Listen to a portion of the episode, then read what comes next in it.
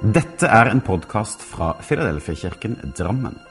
Vi ønsker å være en kirke for alle generasjoner gjennom alle sesonger i livet. Vi håper denne talen vil skape noe godt, og at du kan finne både håp, trøst og styrke i den kristne tro.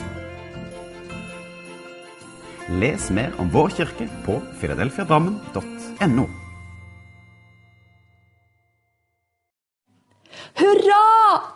er dagen her! Dagen vi skal gå i tog, vifte flagget høyt og rope ja, hurra! Vi er et fritt land. Vi er fri. Du er fri. Så kjære alle sammen, gratulerer så mye med dagen.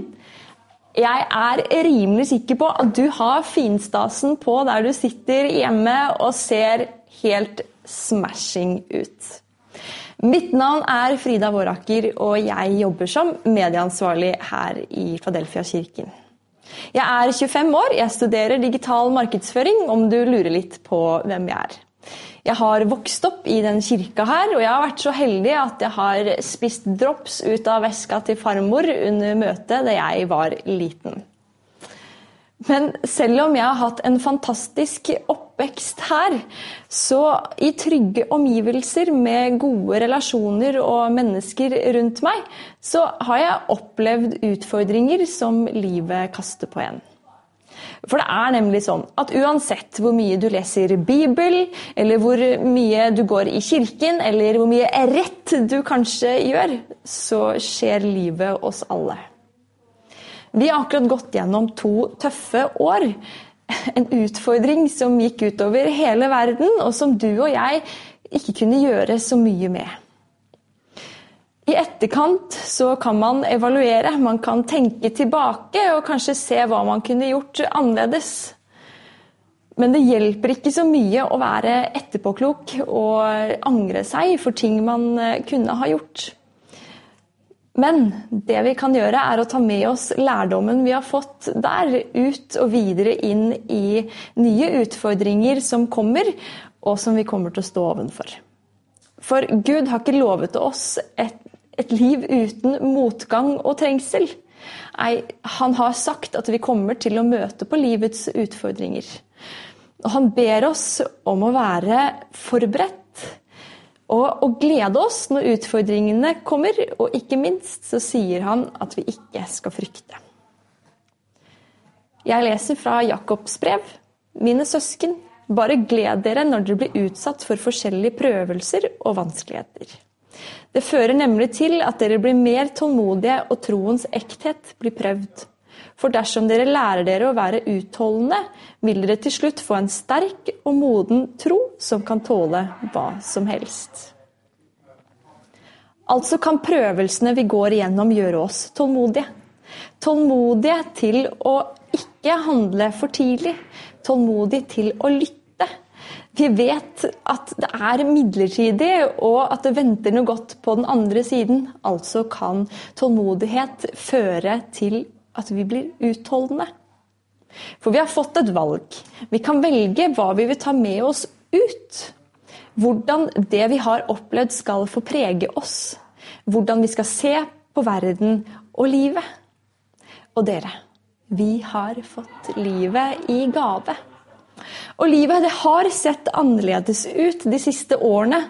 Og det ser fortsatt annerledes ut i den tiden vi er nå. Jeg tror ikke dette er noe som kommer til å endre seg. Jeg tror det kommer til å fortsette å møte på nye utfordringer og problemer. Både fordi Bibelen sier så, men også fordi det er sånn livet ofte er. Vi kan planlegge, drømme og håpe, men allikevel så tar livet ofte en litt annen vei. Og jeg tror ikke jeg er den eneste som har gått gjennom år med tøffe utfordringer, ulykker og sykdom i familien eller eget liv. For livet skjer hos alle. Og uansett hvor godt vi prøver å planlegge, og uansett hvor perfekt vi føler den veien vi har tatt er, så kan vi ikke alltid kontrollere det. Og noen ganger så skjer det til og med så mye at vi bare vil rope stopp. Jeg har personlig opplevd mye smerte og vondt de siste årene. Men jeg vil la, velge å la det prege meg positivt. Jeg vil ta med meg hva Gud har vist meg i de mørke tidene, som han ikke kunne ha vist meg i en tid med glede. Og om du befinner deg på et mørkt område i livet hvor du ikke finner lyset, så vil jeg si til deg at Gud er større. Han er større enn det du har gått igjennom, han er større enn det du vil oppleve. Og han vil ta deg igjennom. Fest blikket ditt på han, for han er større enn alt. Han har ingen tidsbegrensning. Han er Gud. Han er utenfor det vi kaller tid. Og da vet han hva som er på den andre siden, og vi kan ta imot hans frihet. Jeg vil ta deg med til apostlenes gjerninger, kapittel 27. For Paulus han var på vei til Rom over havet. Og Paulus han rådet de andre i skipet imot å ta den veien som eierne av skipet hadde planlagt å ta. Men de ville ikke høre på han. De havnet i en stor storm, hundreårsstormen, som den nå blir kalt. Det var tykke skyer som dekket for solen og stjernene i mange dager og netter. Og alle om bord på skipet måtte gå flere dager uten mat. Og Vi kan lese at det er fullt kaos om bord, og de ga opp alt håp om å bli reddet. Hør her. Men etter lang tid uten mat stilte Paulus seg opp og sa:" Men dere skulle hørt på meg og ikke seilt fra Kreta. Da hadde dere ikke påført oss denne ulykken og tapet. Og nå ber jeg dere om å være med godt mot, for ikke noe liv skal gå tapt hos dere, men bare skipet. For i natt sto en engel hos meg fra den Gud som jeg tilhører og tjener. Og han sa, Vær ikke redd, Paulus. Du skal stilles frem for keiseren, og se, Gud har gitt deg alle dem som seiler sammen med deg. Vær derfor ved godt mot, menn, for jeg tror Gud. Det skal gå nøyaktig slik som det ble sagt meg, men vi kommer til å måtte grunnstøte ved en øy. Noen ganger så havner vi midt inne i et stort kaos som vi ikke har skapt selv engang. Og det kan komme fra andres avgjørelser som kanskje ikke har vært de beste. Vi kan ikke alltid kontrollere omgivelsene våre, men jeg henger meg litt opp i det engelen sa. Frykt ikke. For en vanlig reaksjon som kommer når vi er redde, eller at ting ser litt annerledes ut, det er frykt.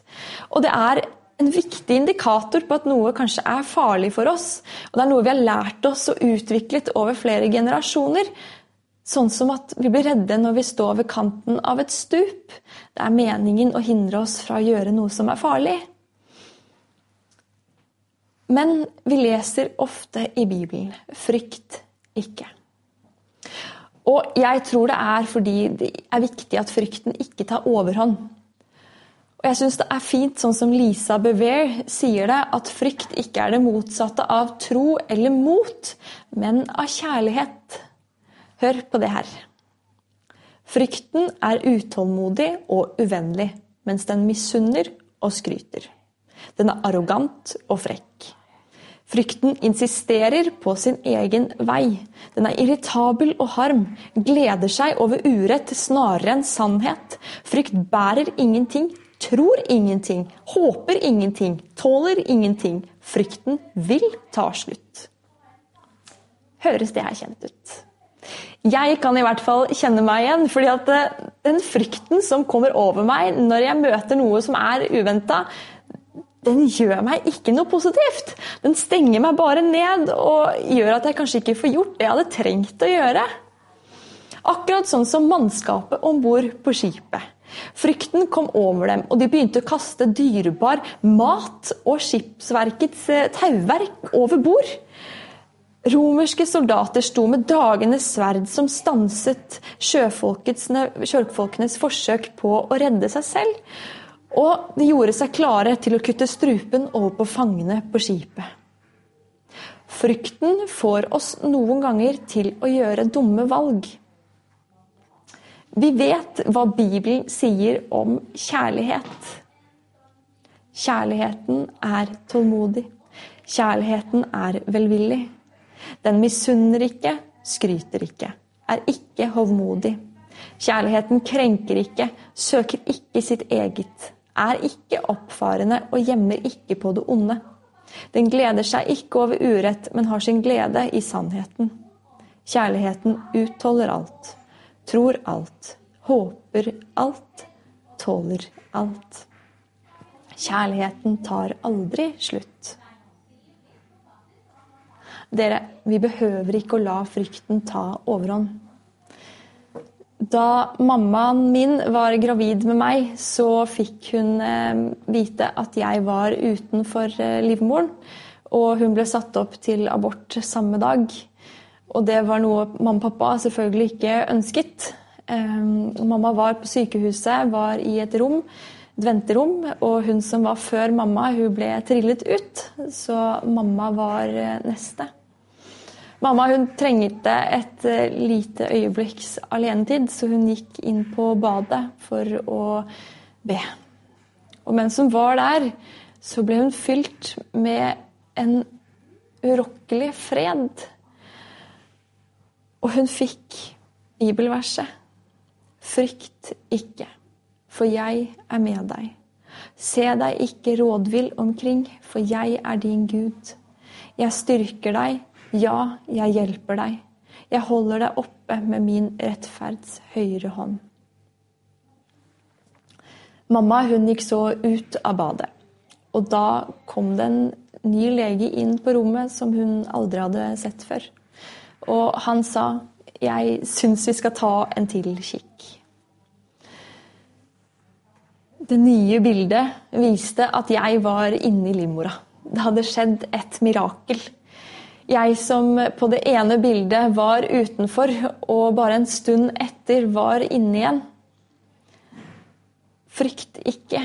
Gud har kontroll over situasjonen din. Og så var det denne stormen, da. Den ødela skipet til Paulus. Gjorde så de havnet i land på en fremmed øy. Øya som heter Malta. Det betyr tilflukt. Da alle var kommet velberget til land, fant vi ut at øya het Malta. Innbyggerne her viste oss uvanlig stor vennlighet og gjestfrihet. De ønsket oss alle velkommen og tente opp et bål for oss, fordi det hadde begynt å regne og var kaldt. Paulus hadde også samlet en bunt med kvister som han ville legge på bålet. Og da kom en giftslange ut av kvistene pga. varmen. Den bet seg fast i hånden hans. Altså, stakkars Paulus, snakk om uflaks. Da innbyggerne så dyret henge fast i hånden hans, så sa de til hverandre denne mannen må garantert være en morder. Selv om han ble reddet fra havet, så skal han visst likevel dø. Men Paulus han bare ristet dyret av seg inn i flammene og tok ingen skade av det. I dette området bodde lederen på øya. Han het Publius og tok godt imot oss. Han var høflig og ga oss husly og mat i tre dager. Og nå viste det seg at faren til Publius lå syk med en magesykdom og hadde feber. Paulus gikk inn og ba for mannen, la sine hender på ham og helbredet han. Denne hendelsen ble fortalt utover øya, og snart kom også de andre som hadde sykdommer og ble helbredet. De viste sin takknemlighet ved å overøse oss med gaver, og da vi skulle reise, der, reise derfra, ga de oss all den provianten vi kunne trenge for reisen. Malta var ikke med på planen til Paulus. Og han hadde så uflaks at han havnet i en storm. Båten ble ødelagt, og på toppen av det hele ble han bitt av en giftig slange. Jeg tror vi trygt kan si at denne dagen ikke ble sånn som Paulus hadde planlagt. Men her fikk Paulus et valg i møte med det ukjente. Han kunne sette seg ned på rumpa, furte og vente. Eller så kunne han reise seg og gjøre det beste ut av situasjonen. Vi kan spørre Gud om det er noe han ønsker at vi skal fokusere på når vi møter utfordringer i livet. Og jeg syns det er litt underlig, jeg, da. At denne hånda som Paulus ble bitt i, det var den hånda han brukte til å legge på de andre på øya, og de ble helbredet. Kanskje var det sånn at Gud brukte denne situasjonen til å vise menneskene på øya at Gud er større. De gikk bare og ventet på at han skulle dø, men Gud gjorde det umulige. Han viste dem at han er ekte og større enn alt vi opplever her på jorda. Og de fikk oppleve Guds godhet, hans kjærlighet for dem. Og han brukte denne hånda som var blitt skadet, til å legge på andre, og de fikk legedom. Noen ganger så tar livet oss med på noen stopp langs veien, men Gud er fortsatt med oss da òg. Kanskje kan vi oppleve å gjøre noen ting pga. de situasjonene som vi ikke kunne ha gjort ellers. Han er større enn det du går og bekymrer deg over. Han er større enn det du har vært igjennom. Han ser deg, og han vil vise deg sin godhet, hans kjærlighet for deg. Vi kan lære oss noe når det uventede skjer. Vi kan stoppe opp og tenke over hvordan vi reagerer når ting blir annerledes enn det vi hadde trodd. Vi kan i stedet for å grave oss ned, løfte blikket opp på noe som er større enn oss selv. Gud vil bære deg igjennom. For, han, for Paulus han ble ikke værende i stormen eller på øya. Han skulle bare igjennom. Kan vi prøve å få med oss noe positivt ut når vi opplever vonde ting, og bære det med oss ut av situasjonen? Har du noen tanker du har blitt kjent med som du ikke visste at du hadde? Da kan du lære deg sunne vaner og la dem bli rotfestet, så du bærer dem med deg ut. Vi kan ta med oss dette her og la Gud snu det til det positive. For han er større. Og ved å la Gud hjelpe deg nå, så kan du kanskje hjelpe noen andre senere i livet som går gjennom akkurat det samme som du har opplevd. Vi kan jobbe med friheten i vår egen kropp, mens vi kanskje ikke er så frie til å gjøre akkurat det vi hadde lyst til selv. 17. mai er en dag vi feirer friheten her i landet vårt. Og det er fortsatt like sant i dag som det det var for mange år siden. Men det ser kanskje litt annerledes ut. Men friheten er den samme. Det kan være at du ikke føler deg så fri etter å ha opplevd det vi har gått gjennom som land, og det du har opplevd i livet. Men jeg vil si til deg at Guds fred den overgår all forstand, og han har satt oss fri fra syndens lenker ved Jesu dyrebare blod. Bruk denne tiden midt i det uventede. Ikke la frykten ta overhånd. Bruk situasjonen, reis deg og ta imot Guds frihet og fred. Hold derfor fast på den frihet som dere har fått pga. Kristus. Ikke la noe menneske tvinge dere tilbake til et regelstyrt og bundet liv der dere presses og tynges ned. Noen ganger må vi lukke øynene for å se. Det er Guds ord som holder oss fast. Hjelpen du trenger, styrken du trenger, er allerede der. Og noen ganger kan vi møte Gud på uventede steder. Det kommer en tid hvor all sorg og smerte er visket bort. Men pga. det Jesus har gjort for oss, har du muligheten til å ta imot denne friheten allerede i dag. En fred som overgår all forstand. La Han sette deg fri. Gi slipp på det gamle. Gi slipp på løgnene som andre har lagt på deg, som du kanskje har trodd på i flere år. Og bare la det gå. Ta imot Guds frihet. Han elsker deg, og hans nåde er nok. På grunn av Jesus er du nok. Du er trygg. Det er noen som bryr seg om deg. Du er sett, du er tillit, du er fri. Du har håp. Gud er kjærlighet, og det betyr at du er elsket. Gud er fred, og hans fred lever inni deg. Gud er nok, så du er nok. Han elsker deg. Og han sier at han er her, og at han skapte deg for at du skal være hans elskede. Profeten Jesaja han levde i en tid med voldsomme uroligheter. Og han så at mer av det samme ville komme. Og han sa at gudfryktige mennesker ville komme til å lide på lik linje med alle andre. Og hvordan skulle da troende holde ut, var spørsmålet. Jesaja han oppfordret dem til å fokusere på en virkelighet som var større enn de nåværende problemene å holde blikket festet på Gud, som aldri mistet kontroll over omstendighetene. Du skal bevare den fred, ja, i fred, den som har et grunnfestet sinn, for han stoler på deg. Stol på Herren for all tid, for i Herren, ja, Herren er evighetens klippe. Det kommer en festdag etter alle prøvelsene her på jorden. Det kommer en bryllupsfest hvor vi skal feire evigheten sammen med Han som skapte oss. Han er brudgommen, og vi er hans brud. En bryllupsfest som kanskje ligner litt på 17. mai-feiringen vi gjør her. Med familie, venner og bekjente, hvor alle feirer frihet en festdag vi skal feire frihet og fred. Da skal død og smerte ha opphørt å eksistere, og Gud skal styre med fullkommen rettferdighet. Kjære dere, fyll på med olje i lampene deres. Fest blikket på Jesus. For dagen er nær, da vi skal samles til bryllupsfest. La oss be. Kjære Gud, jeg vil takke deg for friheten. Og jeg vil takke deg for landet vårt med de dype fjordene og høye fjellene.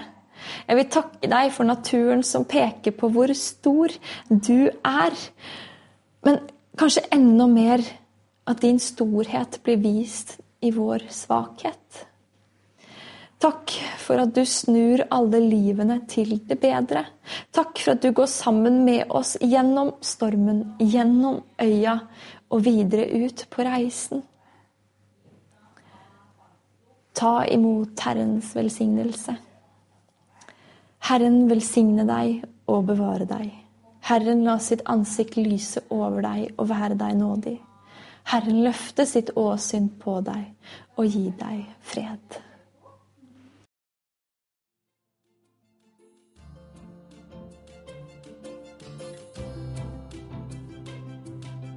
Som en avslutning på denne podkasten ønsker vi å lyse Herrens velsignelse over deg.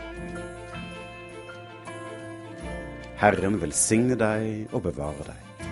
Herren la sitt ansikt lyse over deg og være deg nådig. Herren løfte sitt åsyn på deg og gi deg fred.